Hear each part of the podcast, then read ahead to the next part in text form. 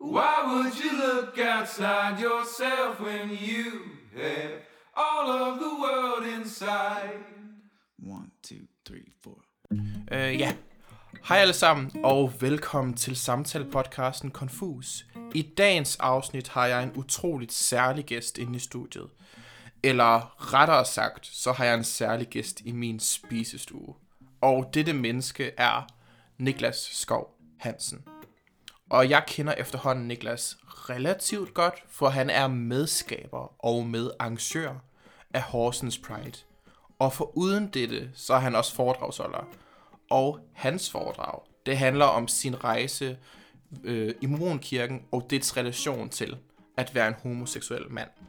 Så, i det her afsnit skal I forvente at få indsigt i Mormonkirken som hele, Niklas' rejse her i, og selvfølgelig dets relation til at være en homoseksuel mand, så de dynamikker, der har opstået her i. Mm, så, endnu en gang så. Øh, jeg synes faktisk, at vi allerede nu, inden at afsnittet overhovedet er gået i gang, skal samles virtuelt og give en virtuel klapsalve for Niklas, for at give os lov til at få indsigt i dette øhm, utroligt unikke liv, og på en måde også lade os blive en del af hans fortælling. Så med de her ord, der vil jeg faktisk rigtig gerne ønske jer en virkelig god lyttelyst. Ja. Jamen, tusind tak, Mathias. Det var en meget fin indledning. tak, hvor du sød, hvor du sød. Jeg gjorde mit bedste i hvert fald, Tak. for at introducere dig på en eller anden måde. Men her til at starte med, Ja. så vil jeg rigtig gerne bede dig om bare sådan, introducere dig selv, hvem du er, hvad du laver, hvor du kommer fra. Bare sådan rent faktaagtigt. ja. Jamen, jeg er en født i og opvokset i Horsens dreng. Mhm. Mm-hmm. Og øh, jeg har brugt det meste af min tid ja, i min, min fødeby. Jeg er vokset op med min mor og mine tre yngre søstre. Og øh, så har jeg haft en ganske kort stund i København, en 3-4 år, hvor jeg boede, og inden jeg kom tilbage til Horsens igen. Mhm. Øhm, jeg har studeret musik Ja. og arbejdet med det i nogle år. Og så kom jeg ind i lærergærningen, så at sige, ja. og startede som lærervikar. Og selvom jeg ikke er, er uddannet lærer, så øh, har jeg en skoleleder nu, der stoler på min, mine evner og min faglighed nok til at have ansat mig fast og fuldtid. Mhm. Så det er det, jeg laver nu. Jeg arbejder som folkeskolelærer. Ja. Du nævnte selv, at du er opvokset i en lille familie med, var det tre, så tre søskende? Tre yngre søstre. Ja. Tre yngre søstre og, ja. også, også, og min mor. og din mor. Ja. Hvordan var det at opvokse i en familie, hvor man kun har sin mor til stede? Øh, man kan sige, nu er det for det meste det eneste, det er det eneste, jeg har kendt til. Mm-hmm, helt sikkert. Ja, så det har været min, øh, min normal, at, øh, at have en mor og, og tre søstre. Og en, jeg, jeg må indrømme, at det, jeg har ikke rigtig nogen forestilling om, hvad sådan en faderfigur egentlig skulle Nej. have været for mig. Mm-mm. Jeg har haft et par stedfædre Ja. øh, i tidens løb, Ja. Mm, Men fordi jeg det meste af mit liv er vokset op uden en far, så har det aldrig sat sig i mig som sådan en decideret, her er en faderfigur for mig. Nej. Det har jeg ikke betragtet det som om. Jeg har mere set det som min mors mand. Ja, helt sikkert. I, øhm, nu kender jeg dig, jeg er der jo lidt på forhånd, så jeg, derfor kender jeg også svarene på nogle. Mhm. Mm-hmm. Men jeg vil rigtig gerne have, at du øh, fortæller os om øh, det øjeblik, du mødte Mormonkirken, og hvorfor det lige pludselig virkede så interessant for dig Ja. på en eller anden måde. Ja. Jamen, øh, jeg, er, jeg vil ikke sige, at jeg er vokset op i en decideret religiøs familie. Nej. Men jeg er helt bestemt vokset op i en familie, der er meget åben, øh, meget inkluderende, og også til en vis grad, vil jeg sige, interesseret i det spirituelle. Så den verden har, har ikke sådan været fremmed for mig på nogen måde, men jeg har aldrig gået direkte ind i den. Øh, men på trods af det, så, er jeg, så har jeg altid haft en tro på noget større. Og jeg tror, da jeg var mindre, så klassificerede jeg det selv, som at jeg havde en tro på Gud. Okay. Ja, fordi det, noget større for mig, det var, det var Gud. Ja. Så, så det, var, det var den måde, jeg i tale satte det på over for mig selv. Mm-hmm. Øhm, og da jeg så var, var færdig med, med folkeskolen, så mødte jeg missionærerne. Mm-hmm. for Mormonkirken, eller Jesu Kristi Kirke, sidste dags hellige, som jo egentlig er det, det korrekte navn. Ja. Og, øh, og så havde jeg sådan en fornemmelse af, at de havde en udstilling nede på gågaden i Horsens, og, og så fik jeg sådan en lyst til lige at snakke med dem, om hvad, hvad det egentlig var, de stod for. Mm-hmm. Og det ledte så til, at jeg fik noget undervisning i de øh, bud og befalinger og øh, religiøse principper, Ja. som kirken står for. Hvad, hvad var det, du synes, der var, sådan, der var tiltalende i det, de havde at fortælle om? Jeg synes, at den måde, de snakkede om det på, virkede... Altså, det, det var... Det var meget overbevisende på mig, at de var overbeviste Okay. om, at, at det her, det hang sammen, og det her, det gav mening, og, og det virkede også meget logisk, Mm-hmm. det de fortalte, som om, at, at det, var, det var en meget naturligt, det var sådan, det var. Ja. Både den måde, Gud var på, hvordan verden er på, hvordan religion fungerer i verden, mm. og så Mhm. videre. Og hvad vores formål er med at være i det her liv. Helt sikkert. Ja. Og, øh, og så fik jeg undervisning Ja. af missionærerne i en 8-9 måneder, indtil, indtil jeg så tog en beslutning om, at det her, det var noget, jeg gerne ville. Mm-hmm. Du nævnte selv ordet formål. Ja. Vil du sige, at du følte, du manglede formål eller mening, inden at du trådte ind i kirken? Ja, jeg, jeg, har, jeg har altid haft en fornemmelse af, at der var en mening med livet. Okay. Men det er også meget ungt i en alder af en 15-16 år, og skulle tage en beslutning om, hvad, hvad er meningen med mit Helt liv, sikkert. øh, på sådan et dybere filosofisk plan. Mm-hmm. Øhm, men det var helt klart noget, der talte ind i noget, jeg allerede havde, havde tænkt på. Ja. At, øh, at der, der måtte være et, et formål med, at jeg var her på jorden. Mm-hmm. Og øh, man kan sige, på det tidspunkt, da jeg mødte missionærerne, der manglede jeg meget en forbindelse til andre mennesker, en forbindelse til et fællesskab. Ja. For det synes jeg ikke rigtig, jeg havde haft i min opvækst eller i min skoletid. Jeg har haft enkelte venner, og dem har jeg altid sat pris på, men, men jeg har altid følt mig en lille smule ved siden af og, og udenfor. Ja. Øhm, Kan du sætte flere ord på det? Med at du følte dig udenfor eller ved siden af? Ja, øh, jeg har altid vidst fra en tidlig alder, at jeg var anderledes. Faktisk vil jeg våge at påstå, at jeg helt tilbage fra min tid i børnehaven Mm-hmm. har, har kunnet bevidst sige til mig selv, at, at jeg er ikke som de andre, uden at kunne sætte ord på, hvad det var. Senere fandt jeg så ud af, at det er fordi, at jeg er homoseksuel. Ja. Og, øh, og når man ikke er som de andre, så ligegyldigt hvor meget man fysisk er til stede i et fællesskab, så har man nogle andre tanker, man har nogle andre følelser om, omkring det, man gerne vil. Man følger ikke bare flokken i alt det, de gør, som en del af deres normale udvikling. Mm. For at, at interessere mig for piger, Ja. for eksempel, har aldrig været en naturlig del af min udvikling. Mm. Jeg synes, piger er, er søde, og, og har altid været gode venner med, med mange piger, men, Ja. ja. men det er også der, hvor min interesse ligesom stopper. Helt sikkert. Ja. Og, og når man er bevidst om det, så ved man også, at der er nogle ting, man ikke kan byde ind med Mm. i det her fællesskab. Man, man kan ikke sætte sig ind i fællesskabet på lige fod med de andre, for der er nogle ting, man ikke kan være med til Okay. naturligt. Og hvad var det her, at øh, kirken kunne gøre? Det, som kirken gjorde, det var helt sikkert, så spillede den ikke ind i min homoseksualitet, kan man sige. Mm-mm. Men på det tidspunkt, hvor jeg mødte kirken, der havde jeg øvet mig i så mange år allerede, at, at det ikke skulle være den største faktor i mit liv, bestemmende faktor i mit liv, øh, for hvordan jeg relaterede til andre mennesker, og når jeg var i et venskab mm. med andre mennesker. Så var det ligesom ikke det, der blev i talesat. Okay. Så det kirken gjorde, det var, at den talte ind i den åbenhed over for Gud eller spiritualitet, som jeg egentlig kom med fra min egen familie. Og der følte jeg mig hjemme med Okay. det samme. Helt sikkert. Hvor lang var processen så, fra at du indledte de her samtaler med dem og sådan noget, til du faktisk blev en del af Mormonkirken? Øh, på papiret, der gik der ni måneder, Okay. inden jeg blev døbt. Ja. Dåben er den officielle handling, der skal til, for at du kan kalde dig selv for et fuldgyldigt medlem af Jesu Kristi Kirke af sidste dags hellige. Øhm, men allerede søndagen efter, at jeg mødte missionærerne første gang, blev jeg inviteret med i kirke, trådte ind ad døren og var fuldstændig overvældet over den modtagelse, jeg fik. En masse mennesker, der kom hen og nej, dejligt at se dig, og velkommen til, og missionærerne har snakket om dig, og jeg følte mig som det vigtigste menneske i hele verden. Mm. Og, og det var bare rigtig dejligt. Jeg havde ikke mærket den form for omsorg og- kærlighed før fra et fællesskab. Okay. Er det noget, du føler, der har været sådan en, øh, en overskrift i dit liv? At du ikke føler, at du har fået opmærksomhed på sådan eller inkluderende opmærksomhed, som du oplevede, da du kom ind i kirken? Øh, ja, Mm-hmm.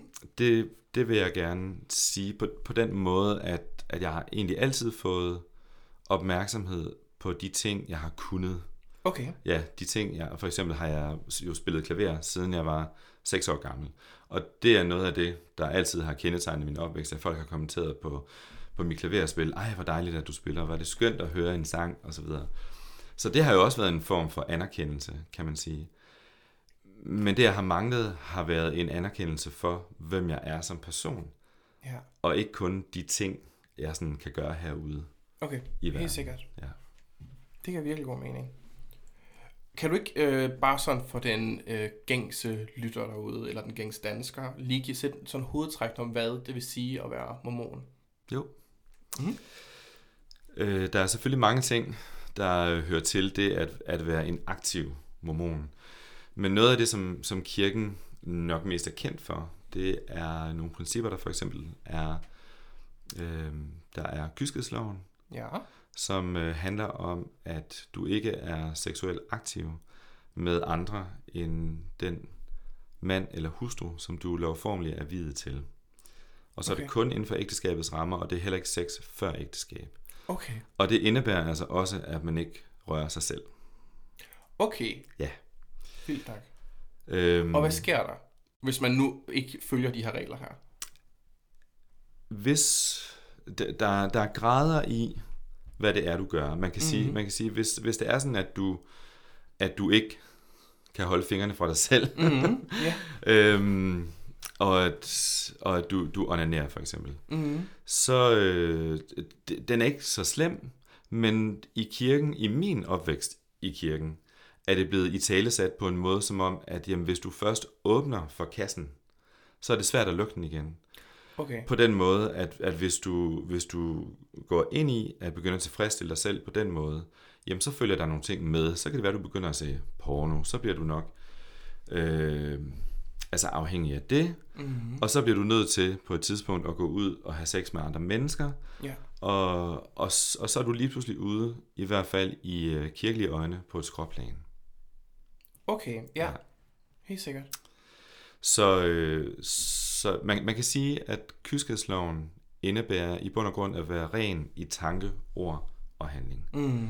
Fordi tanker leder til ord og handling. Så derfor Okay. er alle tre områder dækket ind i det. Ja. Helt klart. Hvad ellers? Hvad indebærer det ellers at være mormon? Så er der visdomsordet, Ja. som indebærer, at det er en form for sundhedslov, vil mange mm. sige. Men helt specifikt indebærer det, at man ikke drikker kaffe og te, at man ikke ryger, at man ikke tager øh, stoffer, for eksempel. Mhm. Mm. Øhm, øh, så, så der er nogle helt konkrete ting, Mm. der er nævnt. Men udover det, for eksempel med hensyn til mad og sådan noget, det, det er der ikke nogen, der nævner noget om. Okay. Så, så derfor så, øh, så er det sådan meget specifikke ting i det. Og det er så kogt ned til, at det er kaffe og te og, Og hvorfor? og rygning og sådan noget. Øhm, ja, det, det er jo så et meget, meget godt spørgsmål, Ja. det du stiller. Fordi, Det er godt at vide. fordi det, det, det er tosidigt. Okay. Fordi på den ene side kan man sige, at det er en, det er en sundhedslov, Ja. og det vil aldrig være dårligt at i talesæt, at man skal passe på sig selv og passe på det tempel, som ens krop er, som man mm. har fået foræret af Gud. Det Ja. skal man passe på og sørge for, at det, det har det godt, og at det holder i den tid, man nu er hernede på jorden. Mm-hmm. Men på den anden side, så er de her bud og befalinger øh, også anset som værende åbenbaringer Ja. til kirkens profeter.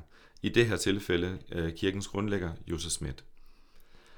Og det er klart, hvis noget er en åbenbaring til kirkens profet eller præsident, så betyder det, at det kommer fra Gud. Og så betyder det samtidig, at i talesættelse og forklaring ikke er helt så nødvendig. Okay. Fordi der er ikke nogen, der ønsker at se spørgsmålstegn ved noget, der kommer fra Gud. Det er jo god mening af på en eller anden måde. Ja. I hvert Men- fald, hvis man er i kirken, så gør det. Men bliver der decideret nævnt sådan de der ting, kaffe, te, alkohol, stoffer, må det... Indtages? Der, der bliver nævnt, som jeg husker det i skriften, nu er det jo ved at være nogle år siden, jeg sidst har Mhm. læst Ja. i skrifterne, men som jeg husker det, så står der hede drikke. Ja. Og det er så blevet i senere tid udlagt som for eksempel kaffe og te. Okay. Ja. Nå, ej hvor sjovt. Er der andre sådan øh, regler, man skal følge for at være en god mormon? Ja, så er der, øh, der er jo i forhold til din aktivitet i kirken, at det er jo en levende tro på den mm. måde, at det ikke bare er sådan noget, du gør om søndagen. Du, øh, du omfavner det hele. Ja. Øh, hver eneste sekund i dit liv. Det er i hvert fald det, der er meningen, at du skal. Mm-hmm. Så, øh, så det indebærer også, at du selvfølgelig kommer om søndagen. Du kan deltage i nogle kirkelige aktiviteter i løbet af ugen. For mændenes vedkommende, vedkommende er der noget, der hedder, at de skal kvalificere sig til at få præstedømmet. Ja. Og det er en form for myndighed fra Gud, hvor man får lagt hænder på sit hoved og får overdraget en myndighed fra dem, der allerede har den. Ja. En form for velsignelse, ja, hvor man okay. også samtidig får overdraget en myndighed. Og den her myndighed, præstedømmet, er en myndighed til at kunne handle i Guds navn. Så de ting, man gør, er valide, og de gælder. Mm. For eksempel, hvis, hvis man skal døbe et andet menneske, Ja, så kan man ikke bare døbe et andet menneske, uden at have fået myndighed til det. Og, okay. og det er så det, som præstedømmet for eksempel gør. At, at så er den her dåb gældende, fordi den er blevet udført med præstedømmets magt og myndighed. Okay. Præstedømmet. Ved det, er det det samme som, at man bliver præst? Øh, ordet præst er en, er en af titlerne i præstedømmet. Okay. Men præstedømmet er en overordnet titel for det, der hedder at have myndigheden til at handle i Guds navn. Okay. Ja. Okay. Hvor mange øh, titler er der, man kan få? Øhm, der er der er to præstedømmer. Der er det aronske præstedømme og det melkisedekske præstedømme. Det er, Ja. det er to navne fra Bibelen. Mm-hmm. Og i det aronske præstedømme, så vidt jeg husker, så kan du være øhm, diakon, præst, jeg tror der er en mere, men jeg kan ikke lige huske det. Og så i det melkisedekske præstedømme er der, der bliver du ældste. Det, er, det er en titel, det betyder ikke, at du er den ældste. Nej. Men, øh, men det, er, det er en titel, der betyder, at du er overgået til en anden form for myndighed. Mm. Det melkisedekske præstedømme er en udvidelse af det aronske. Det vil sige, Okay. at du kan udføre flere ting, Mm. når du har fået overdraget det præstedømme. Okay. Ja. Helt sikkert. Hmm. Kan du ikke fortælle lidt mere om øhm, din rejse igennem det med at bl- blive mormon og være i det i... For du var i det i 17 år? Næsten 20 år. Næsten 20 år. Ja. Og ja, rejsen deri, og så også konflikten, der stille og roligt kommer fra. Ja. din egen sådan seksualitet, seksualitet og over for den her religion, som du er i. Jo. Mm. Jamen altså, min rejse begynder jo, da jeg som, som 16-årig møder missionærerne på gågaden nede i Horsens. Mm. Og øh, da jeg så som 17-årig øh, faktisk blev jeg døbt i 1994 Ja, den 10. april, og det er i dag. Sådan. Ej, hvor smukt. Ja, så det er faktisk årsdag i dag. Sikkert punktum. Ja. Ja. Ej, hvor fint. Så det er jo meget sjovt, det kan man lige til at tænke ja, på. ej, hvor fint. Ja. Ej, hvor sjovt. Øhm, og, og man kan sige, der begynder en rejse for mig. Ikke bare med at have fundet et fællesskab og have fundet en, en funktion i et fællesskab. Mm. Jeg tror, at de fleste mennesker ønsker at føle, at de har en funktion i et fællesskab, og det fandt jeg i hvert fald der. Helt sikkert. Men lige pludselig så begynder der også at komme nogle, nogle ansvar ind over, fordi der er en udvikling, der foregår i kirken med mm. de folk, der er der.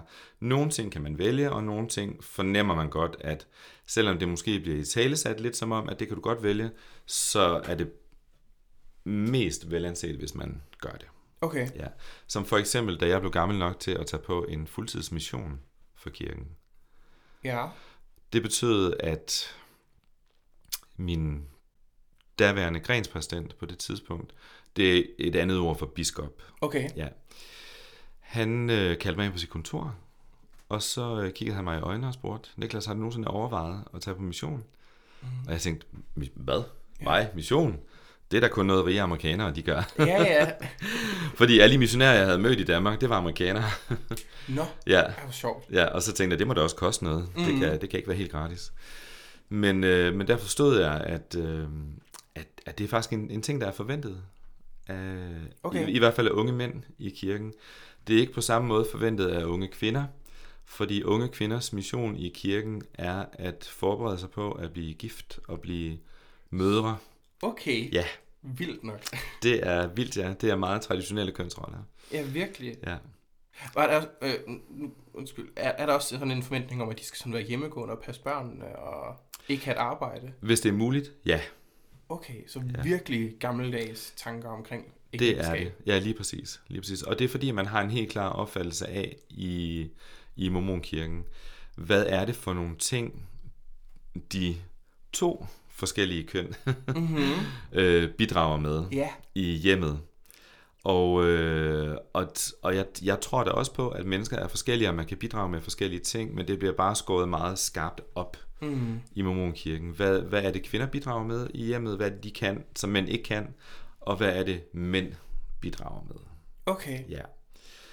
Øh, så, så derfor er man, er man ude i, at, at kvinders største rolle, og det bliver meget, talt meget op, det er at, øh, at være hjemmet og være sammen med børnene, passe dem og, og ja, nu siger jeg, hold huset. Jeg er mm-hmm. sikker på, at, at mændene også hjælper til i, i dagens Danmark. Ja, Øhm, men, men det er hovedsageligt kvindens, hvad kan man sige, formål. mm. At være den, der ligesom i gåsøjne tager sig af og beskytter familien indefra på den måde. okay. Ja. Er der også sådan en, øhm, en usagt ting med, at man nærmest er hævet over kvinden, som man hører om i andre sådan religioner?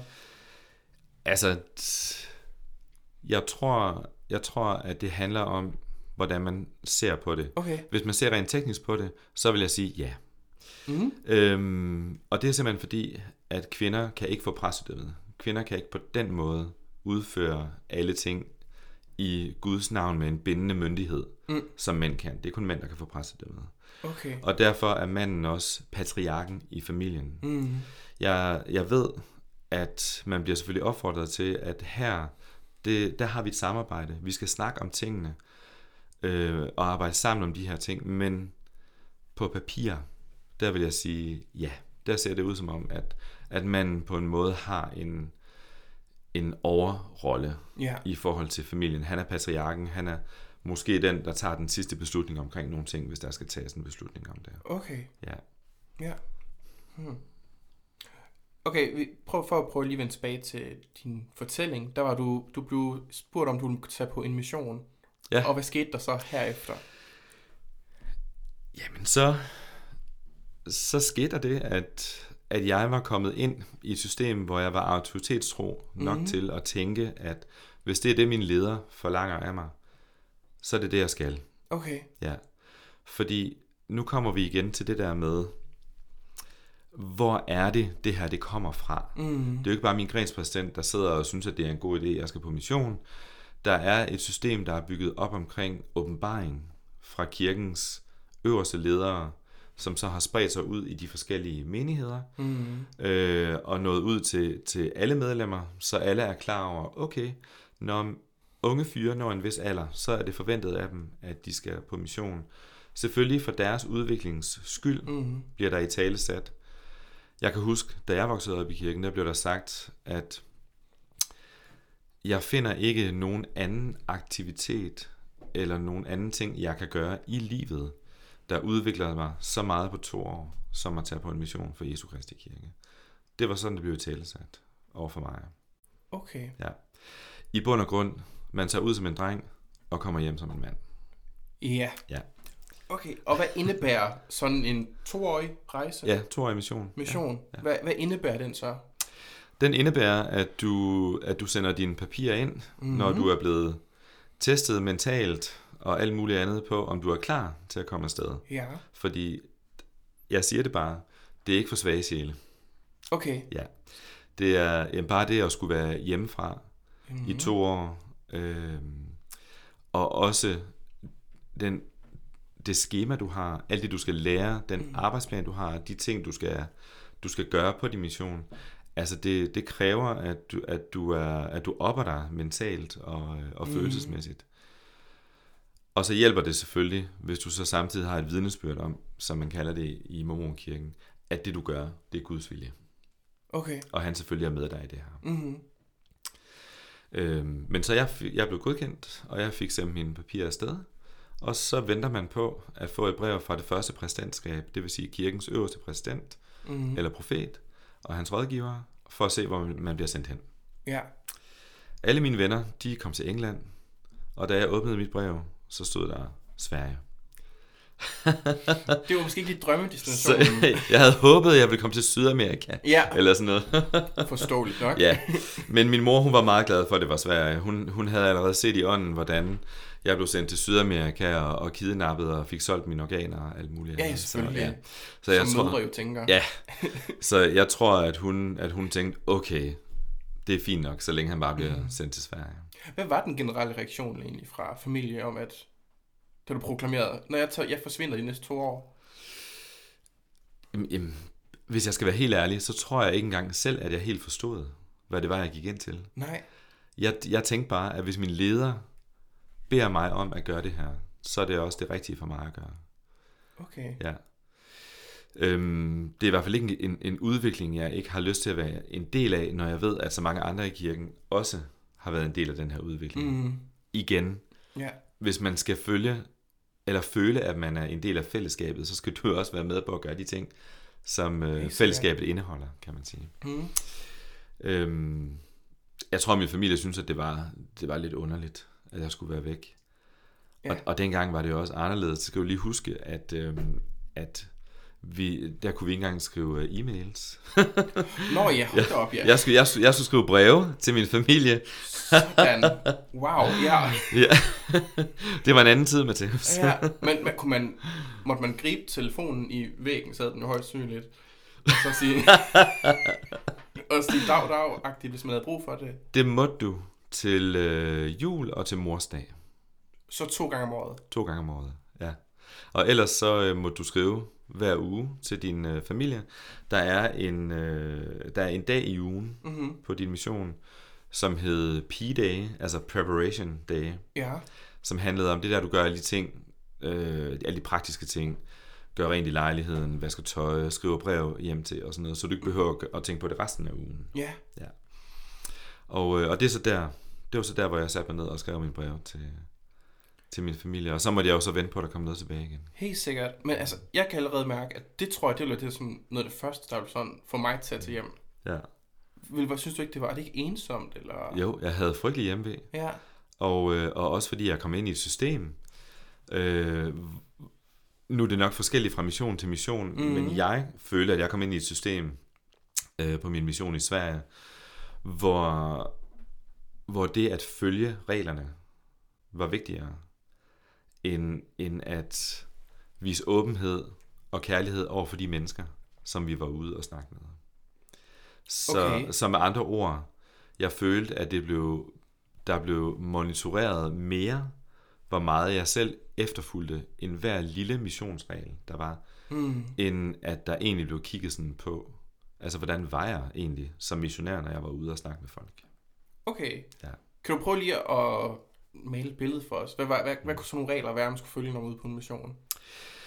Øh, der, er en, der er helt klare regler for, hvornår du skal stå op, hvornår du skal gå i seng. Mm-hmm. Der er regler for, hvor øh, lang tid, eller hvor længe du skal studere Mm-hmm. øh, de hellige skrifter. Det er så Bibelen og Mormons bog. Ja. Øhm, der er regler for din omgang med andre mennesker. Ja. Der er regler for, at du skal være sammen med din kammerat. Både hvad du må og hvad du ikke må. Okay. ja, der var en meget tydelig regel i den øh, regelbog, vi havde, som vi læste hver dag på min mission, hver morgen, hvor, øh, hvor der stod, at, at kammerater øh, skulle altid sove i samme rum, men ikke i samme seng. Hold op. Jamen, så er Ja. der også sagt meget tydeligt. Det er sagt meget tydeligt. Og så stod der bagefter, kan jeg huske, at disse regler er baseret på års erfaring. Ja, Mm. så øh, Folk kunne finde på at liste ind i samme seng, måske. der, har, der har sikkert været nogle svupser en gang imellem, Ja. tænker jeg. Ej, hvor vildt. Ja, så, der, så i, i bund og grund er det sådan meget øh, micromanaged. Ja. Og udover de regler, der så er nævnt i øh, missionærhåndbøgerne, så kan der være andre regler oven i det, Mm. afhængig af, hvad den lokale missionspræsident, der har ansvaret for missionen, Ja, bestemmer sig for. okay. Ja. Fedt. Sådan. Hvordan øh, rørte det dig egentlig, det der med, at du, når du skulle hver eneste dag læse den sammensætning om, man må ikke ligge i seng sammen med en af sine kammerater. Altså, på det tidspunkt gav det jo mening. Okay. Øh, men, men, men selvfølgelig følte jeg mig også sådan lidt... Altså, det... det jeg, jeg følte mig lidt ramt på en måde. Mm. Øhm, det var der forhåbentlig ikke andre, der vidste. Men, men jeg vidste jo godt, at det relaterede til noget, som, som potentielt set kunne betyde noget for mig. Ja. Det, det var noget, der ramte mig, fordi det var jo faktisk en del af, af noget, jeg var. Mm. Øh, for andre var det jo no-brainer, at nej, selvfølgelig gør vi ikke det. Og, Det gider vi og, heller ikke. Nej, og hvis vi gjorde, så skete der heller ikke noget, vel? Mhm. Hvor det for mig var, var sådan lidt en... Jamen, det er jo egentlig, det er jo egentlig den, jeg er. Så... Ja, det virker nærmest, det virker naturligt for, at der skulle ligge sammen ved siden af en fyr. ja, lige præcis. Der behøver ikke altid at ske noget, Nej, nej, kan man sige. sikkert, men altså- men, øh, men, men, men for mig øh, ramte det ind i, Mm. i den, jeg er. Mm. Og, og derfor var det, var det lidt underligt sådan at, at skulle, skulle læse det, men, men også høre det i talesat af, af de kammerater, jeg var sammen med, om at, Haha, how funny, uh, what if we did that, og, og altså alle sådan, mm-hmm. altså dumme kommentarer, Ja. øh, helt som, som selvfølgelig er baseret på, på uvidenhed Mm. mm. omkring det. Helt klart. Ja. Hvad, okay, hvad, hvad fik du så egentlig ud af den her mission, toårige mission, på godt og ondt? Man, man kan sige, det jeg fik ud af det, udover at jeg mødte en masse dejlige mennesker, Mm-hmm. det gjorde jeg, øh, det var, at jeg på et tidspunkt tog en beslutning om, at hvis jeg skulle overleve og være her i to år, så bliver jeg nødt til at tage en beslutning om at gøre tingene på min egen måde. Mm. Jeg, jeg kan ikke være sådan en, nu lyder det måske forkert at sige regelrytter, for det, det var jeg. men, mm, men jeg følte, at det var utrolig vigtigt for mig, at, og det lyder også som en no-brainer, men det var det bare ikke. Øh, men det var meget vigtigt for mig at kunne relatere som et menneske til et andet menneske. Okay. Hvis jeg skulle gå ud og snakke med folk om det her. Mm. Så jeg tror, at det, jeg tog mest med mig fra min mission, det var, at, at menneskeligheden må simpelthen ikke ryge Mm. på bekostning af andre ting. Ligegyldigt hvor vigtigt man synes systemet er, ligegyldigt hvor vigtigt man synes reglerne er. Mm. Hvis ikke du har mennesket med i det, Ja. så, så er alt det andet fuldstændig overflødigt. Okay. Okay. Den, den tror jeg, jeg havde med mig. Mm. Og hvad var det sådan, det der, det hårdeste ved at på den tur, for uden selvfølgelig komme i kontakt med dine kære? Jeg, jeg tror, det var... Ud, Udover at, at skulle prøve at leve i et system, hvor reglerne var vigtigere end mennesker, Mm. så, så var det også, at jeg blev ældre. Okay. Øh, Jeg var en ung fyr på 20, da jeg landede i Sverige, og 22, da jeg kom hjem. Ja. Øhm, Så jeg har jo også udviklet mig Mm. rent fysisk og hormonelt, og, Helt sikkert.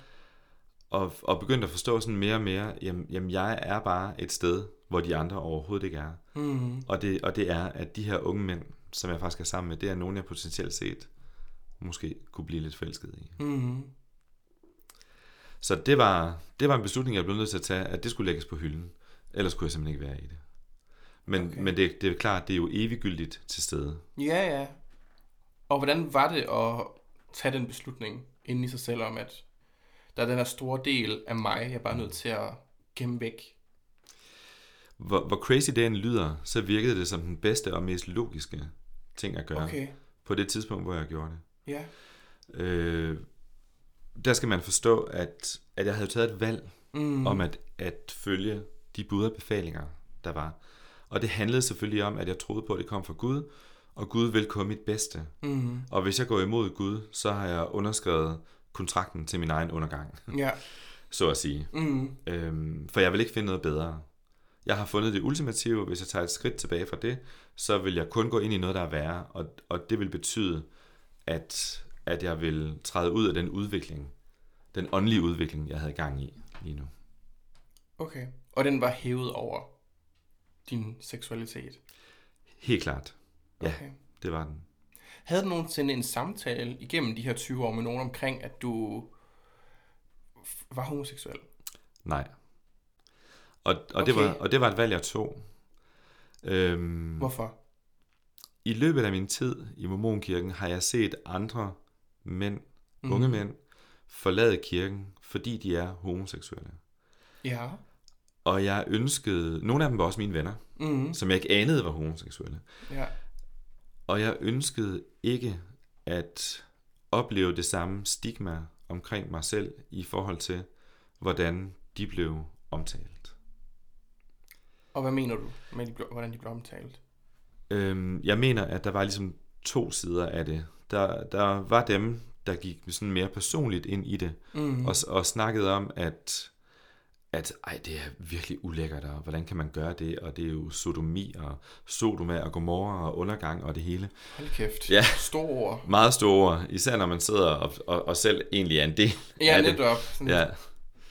Øhm, og så er der den anden del af det, hvor, hvor der hele tiden blev snakket om det der med, at, at nu har de jo faktisk afskåret sig selv for, fra at blive frelst i mm. Guds rige. Helt sikkert. Som i Mormonkirken er en familieting. Man kan ikke blive frelst i det øverste rige, hvor Gud er, mm. som hedder det celestiale rige, Ja. hvis ikke man er en familieenhed. Okay, hvad så, hvis man aldrig nogensinde bliver gift eller får børn? Kan man så heller ikke? Det kan man godt, fordi løftet er, at hvis du stadigvæk er trofast, Mm. Og det er også det løfte, som jeg holdt fast i senere hen i løbet af de 20 år, jeg- jeg blev i Mormonkirken. Mm. Det var, at måske sker tingene ikke altid her på jorden, men der er et stående løfte om, at hvis du er trofast Mm. i din efterlevelse af evangeliet og dets budbefalinger, Ja. så vil du blive kompenseret for alt, du ikke fik her, når du kommer over på den anden side. Okay. Og var det den, du sådan led med? Det var den, jeg blev nødt til at holde mig til. Helt sikkert. Fordi det er meget, meget hårdt at, øh, at stå og se på alle andre mennesker helt naturligt få alt mm. det, de gerne vil have, fordi de er født anderledes, Mm. end jeg er. Helt klart. Og at jeg skal kæmpe så meget for det på den måde, og så måske alligevel ikke få det, og så håbe på, at det er noget, der sker, når jeg engang er død. Ja. Vildt nok. Ja, Vil du sige, at du skammede dig over at være homoseksuel? nej, Nej. det, det gjorde jeg faktisk ikke. Øhm, fordi jeg har jo, som jeg fortalte, så har jeg fra en tidlig alder følt, at jeg var anderledes. Mm. Og jeg har alt, eller, eller fra jeg var gammel nok til ligesom at kunne sætte ord på, hvad det var, mm. jeg var. Øhm, der har jeg... øh, Jamen, jeg har egentlig accepteret det. Jeg har, jeg har altid selv accepteret det. Inde i Ja. mig selv. Mm. Men det har bare altid clashet med det, jeg gerne vil være en del af. Helt sikkert. Ja.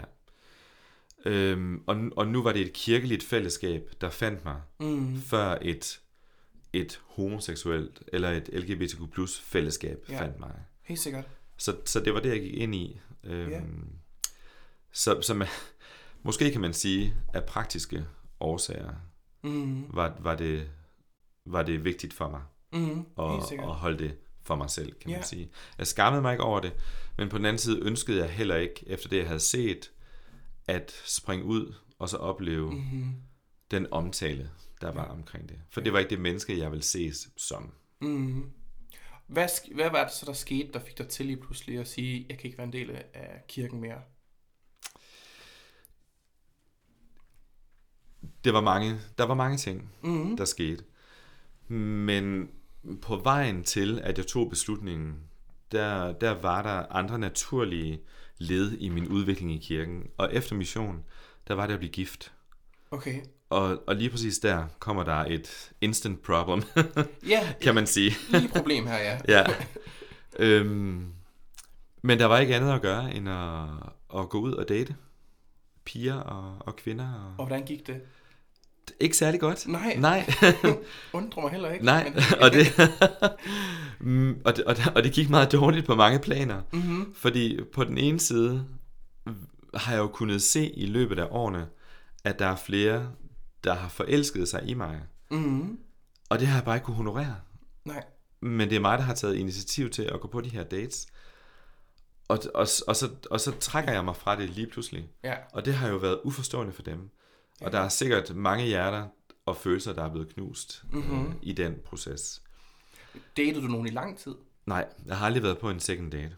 Okay. Nej.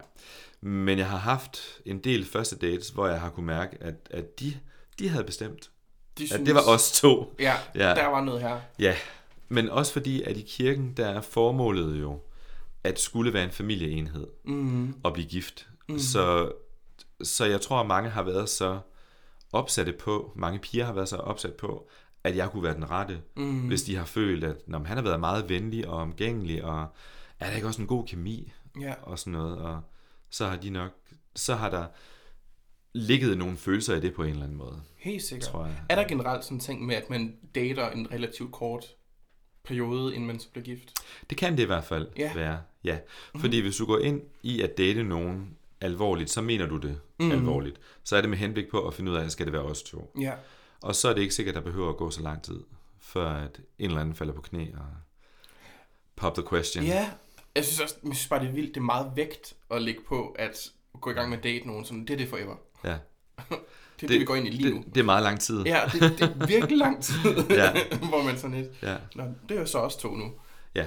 Mm-hmm. Men det er også noget af det, der gør, at for det første, at du skal være meget sikker i dit valg, Helt sikkert. Men, men også, at når du, så, når du så har indgået dit ægteskab, for eksempel i templet, som du Ja. bliver videt i, kan blive videt i, hvis du, øh, hvis du kvalificerer dig til et tempelægteskab, Ja.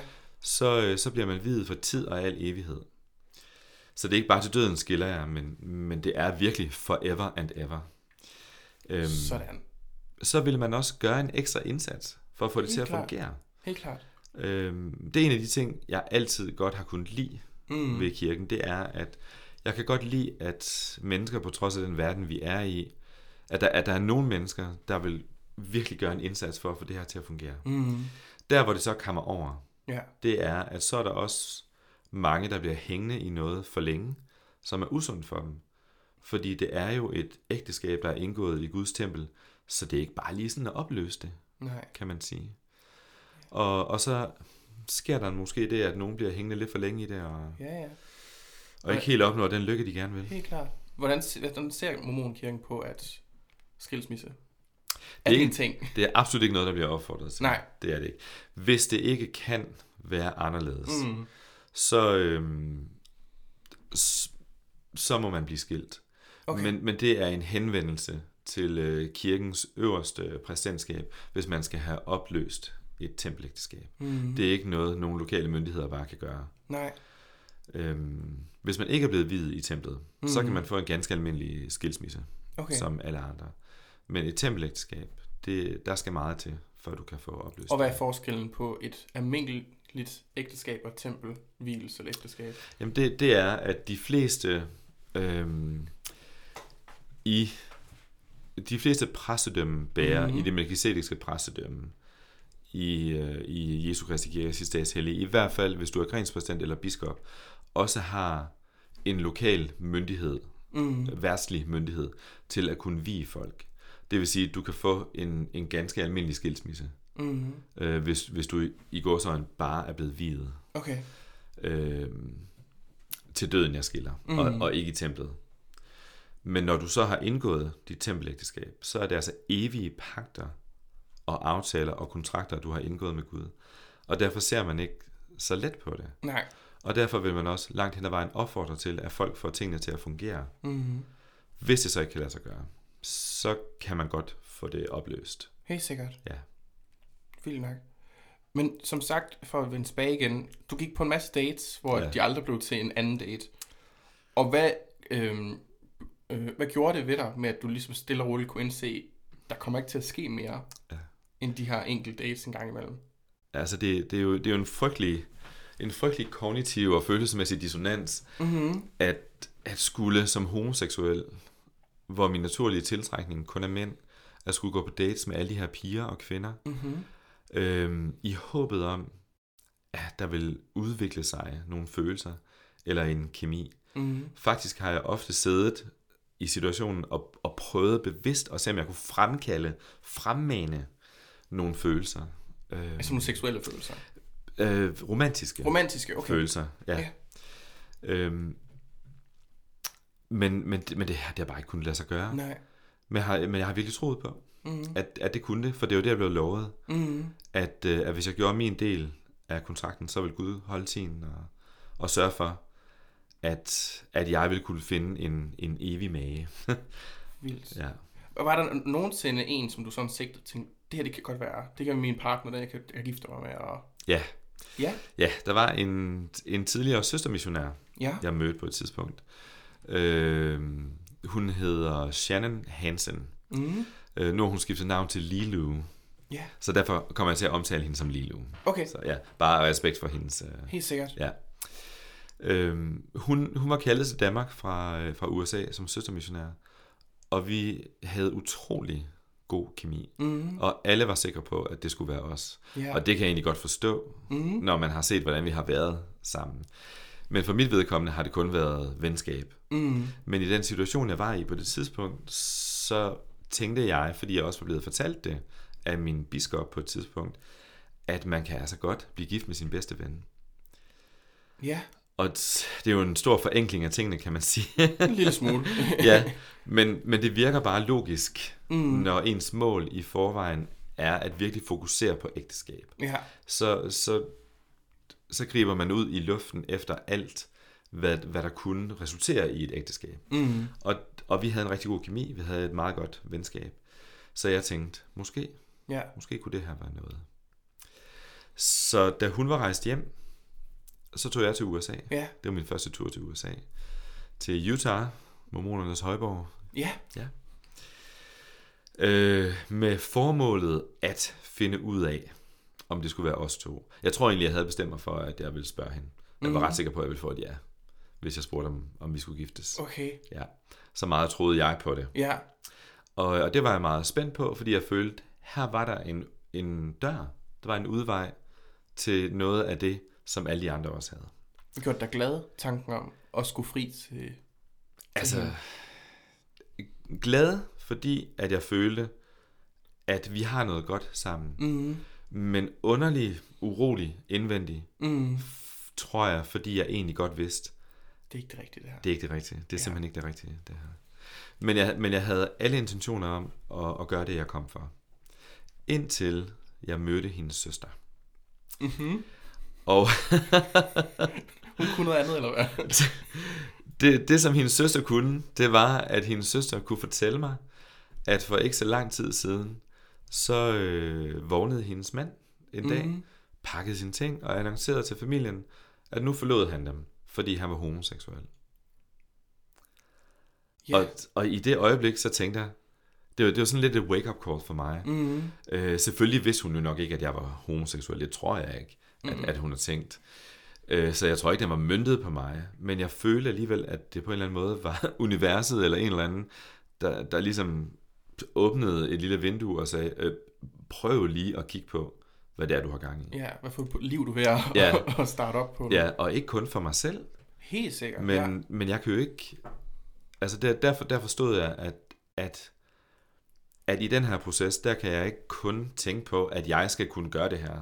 Mm. Jeg, jeg er faktisk ved at trække et andet menneske ind, som forsøgskanin på, om jeg kan leve i et heteroseksuelt forhold. Ja.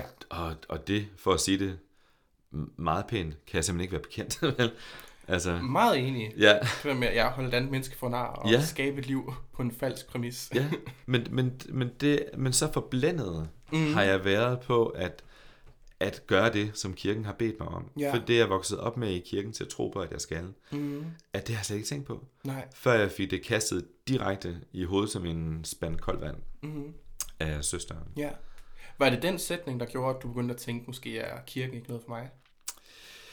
Det var i hvert fald hele situationen omkring, at nu forsvandt den her mulighed for, at jeg kunne blive gift Mm. med, med det her menneske. Ja. At, at jeg tænkte, hvad så? Ja. Hvad nu? Hvad, hvad skal jeg gøre nu? Mm. Øhm, men, men det vilde at tænke på, det var, at jeg mødte Shannon eller Lilu, og cirka sådan 4-5 år inde i mit medlemskab Mm. i kirken. Så jeg havde jo stadigvæk en, en, cirka 15 år tilbage Ja. i kirken derfra. Mm. Og, og det er sådan lidt vildt at tænke på, når jeg allerede blev bevidst om på det tidspunkt, Helt sikkert. hvad, hvor, at, at det her, det her, det, det kan jeg ikke gøre til mod et andet menneske. Mm-mm. Men jeg ved også, hvad vejen frem er. Vejen frem er at blive ved med at efterleve Guds befalinger og håbe og tro på, at jeg kan finde et andet menneske. Mm. Hvad var det der, øh, nu vil du selv sige, at det var fem år, du alligevel blev endnu mere, efter du fandt Nej, af det? 15. Fem døgn? Ja. Okay, i de 15 år, hvad var det så, der ligesom holdt dig fast? Når du allerede vidste sådan, at jeg kommer ikke til at kunne være i et ægteskab. Det var troen på, at hvis ikke jeg fik det her i mit jordiske liv, så, så vil jeg få det bagefter. Ja. Ja. Og gjorde det ikke dig sådan... Det ved jeg ikke. Gjorde det ikke dig ked af det? At vide, at sådan i dit jordiske liv, der ville du ikke kunne få den der skabe familien. Jo, hele tiden. Mm. Øhm, efterhånden som tiden gik, var det et væld af følelser, Mm. der, der væltede rundt ind i mig. Ja. Det var følelsen af, at, at lige pludselig ikke føle mig som en del af det fællesskab, jeg havde elsket så højt. Mm. Og følelsen af, at, at jamen, jamen, skal jeg virkelig ikke kunne opleve de her ting Mm. i mit liv? Skal, skal jeg villigt sige, at, at jeg kan ikke opleve menneskelig kontakt på den her romantiske eller fysiske måde, som alle mennesker jo forhåbentlig gerne vil, tænker jeg. Helt sikkert. Øhm, det skal jeg bare sige nej til. Mm. Og så håbe på, at, der, at, at jeg får alt det, jeg har manglet i det her liv, når jeg træder ind i det næste. Mm. Det var, det var hårdt at skulle, at skulle acceptere, men på daværende tidspunkt føltes det som det eneste, jeg kunne acceptere. Ja. Fordi det var ikke en mulighed at forlade kirken. Mm. Og hvad var så øjeblikket, der gjorde, at du ikke kunne acceptere at være en del af kirken mere? Jeg tror, der var mange ting, der ledte op til det, Mm. men jeg fik det jo gradvist værre og værre, samtidig med, at jeg brugte mere og mere energi på at opretholde en god facade udadtil. Mm. Jeg kastede mig ud i, i alle de ting, jeg skulle gøre. Tjene i kirken, efterleve Guds budbefalinger, studere i skrifterne, bede til Gud osv. Øh, samtidig med, altså i troen på, at det var det, der skulle hjælpe mig, samtidig med, at det var det, der hele tiden gjorde mig ondt, Ja. kan man sige. Mm. Øhm, og på et tidspunkt kulminerede det i, at jeg er sikker på, at, at jeg har haft en, en lille depression eller, mm. eller sådan noget, men jeg har bare ikke tænkt på det på den måde. Ja. Mm, Men på et tidspunkt befandt jeg mig et sted, hvor jeg vidste, at, at nu var jeg faktisk i stand til, og nu ser jeg det bare lige ud, Mm. men nu var jeg faktisk i stand til at tage mit eget liv og have det godt med det. Fordi jeg kunne næsten ikke holde ud, at, at eksistere i en verden, hvor jeg skulle sige nej til alt det, der ville gøre mig glad og lykkelig, og så håbe på, at der skete noget andet, når jeg ikke var her mere. Det kunne jeg simpelthen ikke blive ved med at holde ud. Mm. Øh, men, men samtidig så kunne jeg heller, heller ikke få mig selv til at sige farvel til det her liv. Mm. Fordi det er også en synd at tage sit eget liv. Så, og det var jeg også splittet mm. med, og, og amen, det, var- det var det, det var så rodet ind i mig. Det var Ja. så øh, konfliktfyldt Mm. inde i mig i forhold til, hvad jeg egentlig skulle føle. Øhm, Var du nogensinde tæt på at, at tage dit eget liv? nej, Mm. nej. Jeg var, jeg var god til, da følelserne begyndte, og tankerne begyndte at komme, og så sige til mig selv, nu er den helt gal. Ja. Der er et eller andet, der er helt forkert her. Mm. For det er slet ikke mig, det her. Øhm, så, så jeg gik væk fra det, men befandt mig stadigvæk i det her sorte hul, hvor jeg ikke kunne se lyset eller en vej ud.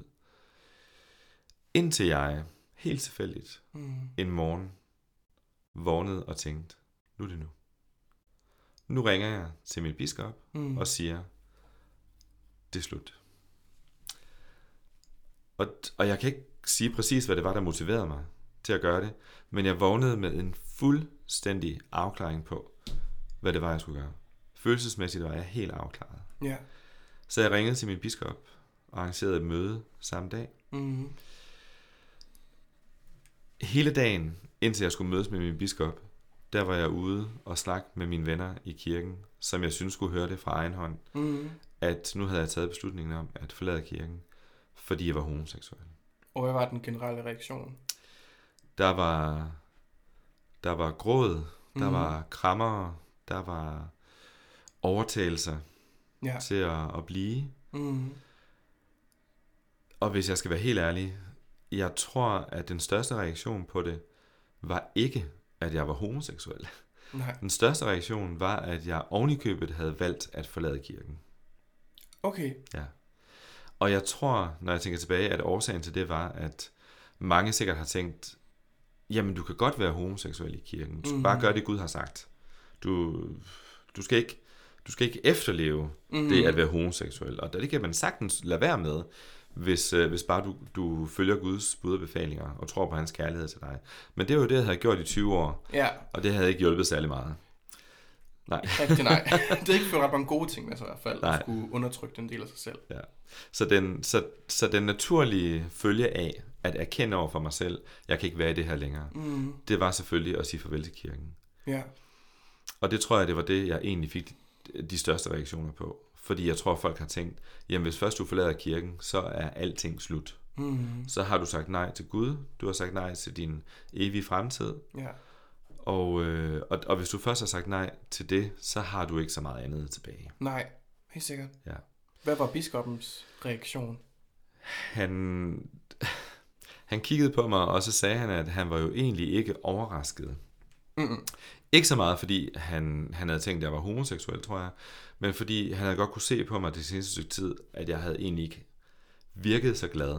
Mm. Og jeg synes, det var meget sjovt, at han sagde, ikke virket så glad, fordi jeg tænkte ved mig selv, hvis bare du vidste, hvor jeg har været Ja. i det her. Mm. Men det var et vidensbyrd til, hvor god jeg har været til at skjule det og holde det tæt ind til kroppen, kan man sige. Og Ja. det har jo også kostet noget energi. Helt meget, klart. meget energi, ja. Helt klart. Men ellers så tog vi en lille snak. Han prøvede at, at fortælle mig, at vi kunne, vi kunne tale åbent sådan lidt om min fremtid i kirken, hvordan det kunne se ud, hvis det var, jeg valgte at blive. Men jeg informerede ham om, at, at jeg var her kun for at fortælle ham, at jeg forlod kirken. Ikke for at lægge en plan for, hvordan min fremtid i kirken skal se ud. Mm. Og så lagde han et stykke papir foran mig, og så sagde han, at altså, i dag er processen ikke så lang, Niklas, så hvis du underskriver det her stykke papir, når du har gjort det, og jeg skriver det under, så er det gjort. Så er du fritaget fra dine pligter og Mm. dine velsignelser og dit medlemskab. Ja. Og det var jo det, jeg kom for. Ja. Så Og hvad gjorde det ved dig, det øjeblik, du skrev under på det papir? altså, han, han, kiggede, han underskrev selv papiret først, og så kiggede han på mig, og så sagde han, er du sikker? Mm. Og, øh, og nu, nu, nu, kan jeg blive, jeg bliver sådan, nu kan jeg mærke, at jeg bliver sådan lidt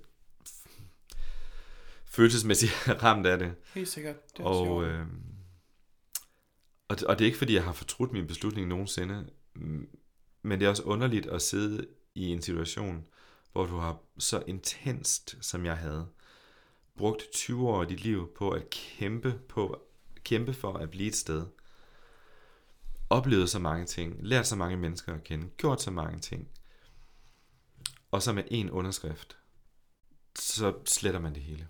Mm. Det var en meget, meget underlig fornemmelse. Det kan jeg også godt forstå. Ja. Men det var det, jeg var kommet for. Mhm. Så jeg kiggede på ham og sagde, at ja, jeg er sikker. Mm. Og så skrev jeg under. Så afleverede jeg papiret. Så gav han mig en krammer, Okay. og så gik jeg. Og hele vejen hjem var jeg fuldstændig tom. Jeg vidste ikke, engang, jeg vidste ikke hvad jeg skulle føle. Jeg, jeg tror ikke engang, jeg følte noget. Mm. Det, jeg, jeg tænker det som om, at jeg så mig selv lidt udefra. Som at, når der går Niklas. Og jeg kunne ikke mærke noget som helst. Mm. Og så gik jeg hjem, og så sov jeg et døgn, tror jeg. Øhm, og vågnede op til en ny dag, et nyt liv, nogle nye tanker, som hovedsageligt var, okay, hvad nu? Ja. Hvad skal ske? Hvad så nu? Ja. Ja, nu, nu står jeg lige pludselig øh, ved døren til et helt andet liv, Mm. end det jeg har levet. Ja. Og, øh, og det var meget grænseoverskridende, mm. øh, meget overvældende, men også meget spændende. Ja. Hvordan havde du det i perioden øh, lige efter, at du ligesom havde sagt vel, farvel til det her liv her? jeg havde helt bestemt en, en periode, hvor jeg lige skulle vende mig til, at, at nu var jeg egentlig fri til at gøre, som jeg ville. Mm. At jeg blev nødt til at fortælle mig selv, at, at jamen Niklas, nu har du også sagt nej til alt det andet. Mm. Du, du har frigjort dig selv for det, der egentlig i godsøjne har bundet dig de sidste 20 år. Så det betyder, at nu, hvis du så vil det andet liv, så bliver du også nødt til at gå ind i det. Helt sikkert. Og, øh, og tage, tage imod de ting, Mm. som det liv tilbyder. Ja, Så det gjorde jeg stille og roligt, Mm. for det havde jeg brug for. helt sikkert. Jeg tror bare, at et, et grund til at jeg spørger ind til det, fordi at hvis det var mig i hvert fald, Mm. Der lige pludselig havde sagt farvel og skrevet under på et papir, og at nu siger vi slut mm. for de sidste 20 år, Ja. der tror jeg, jeg vil blive, jeg vil blive ramt af en sådan nærmest depression og lammelse, og, Mm. fordi det, som man har set som ens familie, er lige pludselig forsvundet. Men det blev jeg faktisk ikke. Nej, Øhm, og, og det er jo egentlig lidt sjovt at tænke på, fordi jeg kan udmærket forstå, hvad du mener ja. med det, det her tomrum, der lige pludselig er. Mm-hmm. Når, når det har 100% været ens liv, mm. det man har Mhm. gjort før, og så man har sagt farvel til det. Men, men det var sjovt nok ikke det, jeg blev ramt af. Det, det var den her fornemmelse af, at, at jamen, du bliver også nødt til aktivt at komme videre herfra. Mm. Du kan ikke sætte dig ned i et hjørne nu. Fordi der har du næsten været sådan mentalt set og følelsesmæssigt set de sidste 20 år af dit liv. Mm.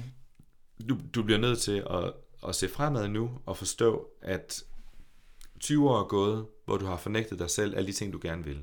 Mm. Så, så nu er det ikke tiden til at, at gå rundt og fornægte dig selv mere. Nu, nu må du ud og opleve livet. Og jeg tror, at den indstilling hjalp mig til ikke at ryge ned i det hul, der er. Okay. Jeg havde jo allerede været, været i en del sorte huller, øh, mens jeg stadigvæk var i kirken.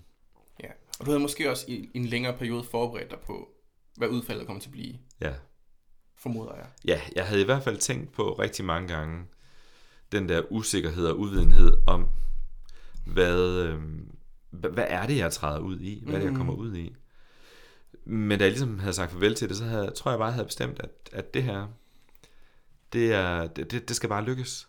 Mm. Det her skal ikke blive endnu en oplevelse af, at jeg ikke passer ind, eller, eller at jeg ikke tager det, der gør mig lykkelig. Tag imod den lykke, som livet har til mig. Helt sikkert. Ja. Øhm, Det lyder som en meget øhm, sund tilgang til ting. altså, og en ja. utroligt... Øh, jeg synes, det er meget imponerende, at man kan det. Ja. Fordi jeg tror, at mange mennesker, så, som hvis der var i din situation, de ville blive inde i en lammelse. Ja. Og ikke kunne fokusere på andet end det forfærdelige og smerten, man står i nu. ja. Så jeg synes, det, det, det ved jeg ikke, det taler måske også meget om, hvad for et menneske du er. At du har en eller anden evne til at åbenbart at se på det gode, der kommer, og den rejse, du skal på lige pludselig, og hvordan skal vi skabe den her rejse på en eller anden måde. Jamen, tak for det. Mm-hmm. Jeg, jeg tror i hvert fald på, at, at en af de ting, jeg kan, Mm-hmm. det, det er at, at prøve at fokusere på det, som jeg skal fokusere på. Helt sikkert. Og, og det hjælper mig rigtig meget til at, at komme de rigtige steder hen. Mm-hmm. Øh, og det gjorde det helt sikkert i den Mhm. situation, lige efter jeg havde forladt Helt kirken. klart. Var du så umiddelbart, var du sådan klar nærmest med det samme efter at skulle til at udleve din seksualitet lige pludselig? Ja, på, mm-hmm. en, på en måde. Øhm, jeg havde jo også lige haft en periode, hvor jeg skulle fortælle min familie det hele. Nå ja, selvfølgelig. Ja, ja.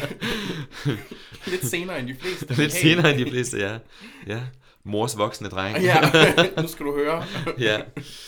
Men, øh, men min familie, jeg vil sige, min familie har langt hen ad vejen været en, en meget typisk Horsens familie Ja, med håndværker og mm. håndværkerhumor og hvad ved jeg. helt sikkert. Ja, provinsen fornægter sig ikke, Mm-hmm. men, men samtidig har de også bare vist sig, at, at den her åbenhed og, og inkluderende adfærd, som jeg er vokset op med, Mm.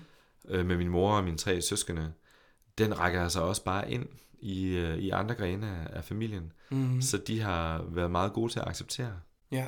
hvem jeg er og hvad jeg er. Og jeg tror, at de meget hurtigt har tænkt det der med, at jamen, Niklas er jo stadigvæk Niklas. Nå, ja, ja. Ligegyldigt hvad, så han, Nå, er han til mænd? Ja, ja. Jeg kender også hende der, der er til kvinder. Altså, Ja. var, var en af kommentarerne. Ja, ja. Så, så Meget jysk. meget jysk. Og, og, og meget sådan basalt, Aha. kan man sige. Så, så, så der, er egentlig der har ikke været noget der. Nej. Og det har også været dejligt. Det er dejligt at have haft en familie, der, der har accepteret det. Det gør det noget nemmere, at man Ja. lige pludselig skal stå der, og så oven i det andet, sådan lige pludselig. Ja. Nå, når I vil mig heller ikke. Nå, ja. ej, hvor fedt. Nej, det, der, er jeg, der er jeg virkelig taknemmelig for, at, at det, jeg selv skulle kæmpe mig ud af, Mm-hmm. At, at, det, at det var det eneste, der mm-hmm. ligesom var. Så jeg ikke også stod med en, en familie, der ikke ville vide af, Helt hvem jeg var. Hvad for en påvirkning tror du, din tid i kirken har gjort på din, dit liv nu? Hvor- det er efter? Der er, øh, der er helt sikkert både øh, positive og, og mindre positive Ja, ting ved det. høre. Ja, nu, nu åbner vi det hele. Ja, lad os gøre det. Man, man kan sige, øhm, det positive, det er, at, at jeg helt klart har en fornemmelse af, hvor hurtigt Mm. tiden kan gå i, i nogle, nogle dårlige vaner og nogle dårlige spor. Helt sikkert. Hvis ikke man tager en aktiv beslutning om, at, at ens liv skal, skal altså sættes i en anden retning, Mm. øh, for at kunne opnå de ting, man gerne vil. Mm. Jeg, jeg bruger sådan lidt min fortid som en form for skræmmekampagne over for mig selv. Okay. Ja, øh, og det, det lyder måske sådan lidt sjovt at sige det, men, men det hjælper mig til ligesom at, at huske på, at, at jeg, er, jeg er et frit menneske Mm. til at gøre, hvad jeg vil. Mm. Til at træffe de valg, jeg gerne vil. Og det er mit liv, og livet er her og nu. Og når det en dag stopper, jamen så, så er det det. Ja. Og, og så har jeg haft min tid til at gøre de ting, jeg vil, mm-hmm. og til at prøve de ting, jeg havde lyst til. Øhm, Mm. Så jeg, tror generelt bare, at, at jeg er færdig med at, at uh, spilde min tid. Og, og det er det, jeg i hvert fald føler er den positive ting, jeg har taget med mig. Udover at, at jeg så også føler, at når jeg ikke lige bruger min fortid som en skræmmekampagne over for mig selv, at, øh, at, at jeg har fået en fornemmelse af, okay, nogle af de principper, jeg trods alt har lært i kirken, det er noget, det har været en del af mig selv. For eksempel mm. det der med at være i et monogamt forhold, mm. og, og virkelig arbejde på at få tingene til at fungere og sådan noget. Og jeg ved godt, det ikke er eksklusivt religion at gøre det, men der var bare en meget stor tendens til, at det er det, man gør, når man føler, der er meget på spil. Mm. Og hvis din evige frelse er på spil, så vil du også lægge et ordentligt stykke arbejde ind i det. Helt sikkert. Ja. Forståeligt nok. Ja. Men den har jeg i hvert fald også taget med mig, det der med, at, at hvis du tror på noget, og hvis du tror på, at, at noget er vigtigt for dig, så kæmp for det. Okay, Ja. helt sikkert. Tror du, har det påvirket din, sådan, dit liv som en homoseksuel mand? Øhm, tænker du på noget specifikt? Øhm, det kan måske være i forhold til den måde, du dater på, eller den måde, mm. ikke fordi vi behøver at grave ned i sex, men altså mm. den måde, man sådan har et seksuelt liv med andre mænd. Om der, er- det kan jo godt være, at nogen de vil føle sådan, jeg elsker, jeg elsker at have sex med mænd, men der er stadig en form for skam i det. Okay, ja. Ja. Nej, jeg føler, jeg føler bestemt ikke en, en skam. Mm, Okay. Det gør jeg ikke, nej. Men, øh, men jeg vil sige, at, at der er alligevel trukket nogle tråde op fra den tid, hvor jeg, hvor jeg godt en gang imellem kan føle, kan føle at, at jeg ikke er god nok. Mm. Fordi at jeg i 20 år i Mormonkirken har efterlevet mit liv efter nogle særlige principper, mm. for at kunne være god nok i Guds øjne. Så ved jeg godt, at mange vil sige, jamen Gud vil elske dig ligegyldigt hvad, Ja. Men det ændrer bare ikke på, at der er visse ting, øh, der er blevet lagt ind i et system, som du skal efterleve, når du er i en religion, og i det her tilfælde Mormonkirken selvfølgelig, Mm. som, som gør, at du kvalificerer dig til at kunne gøre nogle ting, til at du kan være god nok til at gøre nogle ting. Du skal være god nok til at kunne komme ind i templet. Mm. Du skal være god nok til at tage på mission. Du skal være god nok til at, at kunne træde ind i Guds rige Mm. i den sidste ende. Og nu hvor jeg ikke gør nogen af de ting længere, Ja. kan jeg godt mærke, at det nogle gange sådan vælger op i mig det der med, når jeg lever, selvom jeg lever et liv, jeg er glad for, Mm. at, at der er sådan en lille stemme inde i mig, der, der siger, men måske er du ikke god nok Mm. som person. Okay. Og jeg ved, at det er et levn for fortiden. Og, og jeg giver det ikke altså noget brændstof, Nej. øh, fordi det kan ikke betale sig. Nej. Men, men det er sådan lidt en, en irriterende ting, der kommer ind, og, og lige viser sit grimme ansigt Mm. en gang imellem. Og hvad gør du i de situationer, hvor den stemme, den kommer? Så prøver jeg at, at ignorere det, mm. og, og minde mig selv om, at, at den stemme er en stemme fra fortiden. Mm. Og den har ikke noget at gøre her. Okay. Ja. Helt sikkert. Og, og nogle gange siger jeg det også højt, Mm. simpelthen for at, at i tale det over for min hjerne, at jeg må gerne Ja, de ting, jeg gør, helt sikkert. og jeg bestemt er, er god nok som menneske, selvom jeg har valgt en vej, der er lidt anderledes end andres. Ja. Tror du egentlig stadig på Gud? Ja, Ja. det gør jeg. Mhm. Jeg vil sige, at jeg, nu kalder du det Gud. Eller... Jeg tror på en højere magt, Ja. og jeg tror på den samme højere magt, som jeg troede på, da jeg, før jeg blev medlem af kirken. Okay. Ja, så det vil sige, jeg tror på den der udefinerbare Ja. øh, kraft. Der er noget Eller- mere mellem himmel og jord. Ja. Lige præcis, og det er jeg faktisk slet ikke i tvivl om, Mm. at der er. Det tror jeg stadigvæk på. Mm. Men jeg har brændt nallerne på, øh, på organiseret religion. Okay. Og, og det har jeg ikke så meget godt at sige om. Nej. og, og det er selvfølgelig fordi, at, at der er mange gode ting, som organiseret religion kan for mennesker, der passer ind i den form. Helt sikkert. Ja, eller er villige til at ofre, hvad det skal være, for at kunne passe ind i den Mm. form. Men det er bare ikke godt for alle Nej. at gøre det. Og jeg kan simpelthen ikke være med til længere at, at synes, at det er okay at skulle ofre så vigtige og, og personligt integrerede ting i sig selv, som ens køn og ens Mm. seksuelle identitet, for at kunne leve op til det, som nogen kalder et, et større ideal. Mm. Øh, det, er en, det er en forbrydelse mod en selv at gøre det, at, at ofre de ting. Ja. Og det ved jeg, for det, det har jeg selv prøvet. ja, du har været i det. Jeg har været i det. Du er, vir- ja, du er virkelig eksemplet på, at Ja. det er en forfærdelig rejse at være på. ja. Hvad vil de råd være til en, som der er inde i en, i en, i en eller anden form for religion, og føler og kan, og kan mærke, at det, deres øh, sande jeg ikke passer ind? Hvad skal man så gøre? Altså, jeg, jeg vil sige, jeg vil sige, at hvis du føler, at, at det clasher for meget, Mm-hmm. det system, du er i, med den, du er, så husk, at du er fri til at tage et valg om at gå ud af det. Okay. Og lad være med at tro på, at livet bliver dårligere, fordi du træder ud af en religion.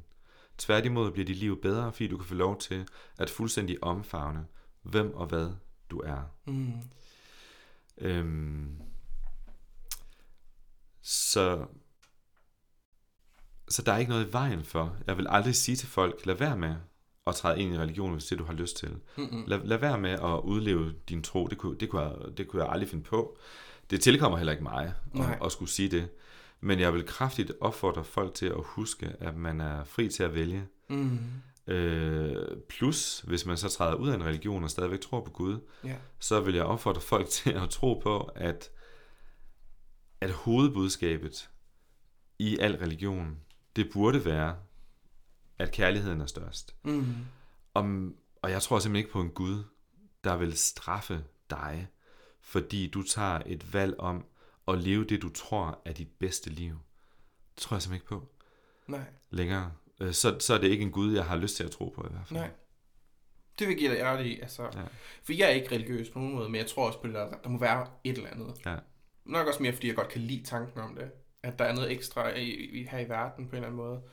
Og ikke fordi, at jeg skal komme mit besøg på det, men min tanker er også, at jeg kan ikke forholde mig til religioner, der siger, at der er et helvede. Jeg forstår ikke, at der kan være, at man kan gøre noget så forkert, at nu skal du lide for i al evighed. Mm. Også fordi, at der er så mange mennesker, der bliver sat til verden på den her jord, der lever i helvede mm. i hele deres tid på jorden. Så fordi, at de er nødt til at synde for at overleve i det helvede, de er i, så skal de synde endnu mere. Ja, Så det er derfor, kan jeg ikke heller ikke sætte mig ind i den der ting med, at der skal være ja. en himmel og et helvede og Ja. sådan noget ting. Men jeg tror på, at der er noget, om, så kaldt, om man så kalder det spiritualitet, eller om man tror på, at der er et eller andet. Ja. Det synes jeg er så fint og fantastisk. Om man Ja. så tror på lysrøde elefanter. Hvis det gør en glad og gør en til et bedre menneske, gå til. det tror jeg er min tanke om det. Men ved du hvad, Matheus? Det, jeg, jeg er fuldstændig enig med dig, fordi det, det handler om at forstå, det er, at noget af det vigtigste i den her verden, ligegyldigt om der så er religion, eller hvilke andre bevægelser mm. eller organisationer, der findes, Mm. så er det vigtigste her i livet, i hvert fald som jeg ser det, det er troen på den handlefrihed, vi alle sammen har fået, Mm. til at kunne træffe de beslutninger, vi har lyst til, i Ja. forhold til, hvem vi er som mennesker, og hvad det er for et liv, vi gerne vil leve. Mm. Og det må veje allertungest. Meget, meget enig. Meget enig. Bare som vi nærmer os øh, slutningen, Ja. og så vil jeg gerne stille dig et spørgsmål, for nu har jeg jo snakket meget om, hvad, hvad, øh, hvilke forfærdelige ting, og hvad, hvad du har mødt igennem din rejse igennem at være en del af Mormonkirken. Men jeg vil egentlig også gerne vide, sådan, hvad var sådan den største gave, du har fået ved at være en del af den her religion i så mange år? Jeg tror, en af de største gaver, som jeg, som jeg ser nu, det er de venner, jeg har fået lov til at beholde, efter at jeg er sprunget ud, og jeg yeah. har forladt kirken. Mm. Fordi det giver, mig, det giver mig et lille håb om, at selvom jeg aldrig nogensinde tror, at kirken som organisation kunne finde på at ændre sin holdning til homoseksualitet, Mm. så stille og roligt, så ændrer medlemmernes holdning til køn og identitet sig. Mm. Altså medlemmerne, selvom kirken måske ikke bliver det, så bliver medlemmerne mere åbne, ja. mere inkluderende i forhold til forståelsen af, at folk virkelig er forskellige, og at vi alle sammen skal have lov til at leve det liv, vi gerne vil, uden at andre skal sætte en pegefinger, en løftet pegefinger på det. Mm. Øh, Så jeg tror, at gaven for mig lige nu, det er at huske på, at for mange af mine venner, er jeg deres første møde med en, en åben homoseksuel mand, der også lever Ja. ja. som en homoseksuel. Øh, og det føler jeg, at det er et privilegium at kunne få lov til, Mm. og udefra måske være med til at skubbe lidt til, hvordan tingene er eller bliver indenfra. Det synes jeg er rigtig fint sagt, ja. Ja, ja det er automatisk et... Du er automatisk en, der kan bekræfte, at man også er et helt menneske, og man ikke er noget, man skal skamme sig over, Lige præcis, ja. bare fordi man er homoseksuel, og så også har været mormon, eller er religiøs på en eller anden måde. Ja. Og det er jo bare det, bare du eksisterer. Det er jo et, øh, en fantastisk sætning, som andre de kan læse op på.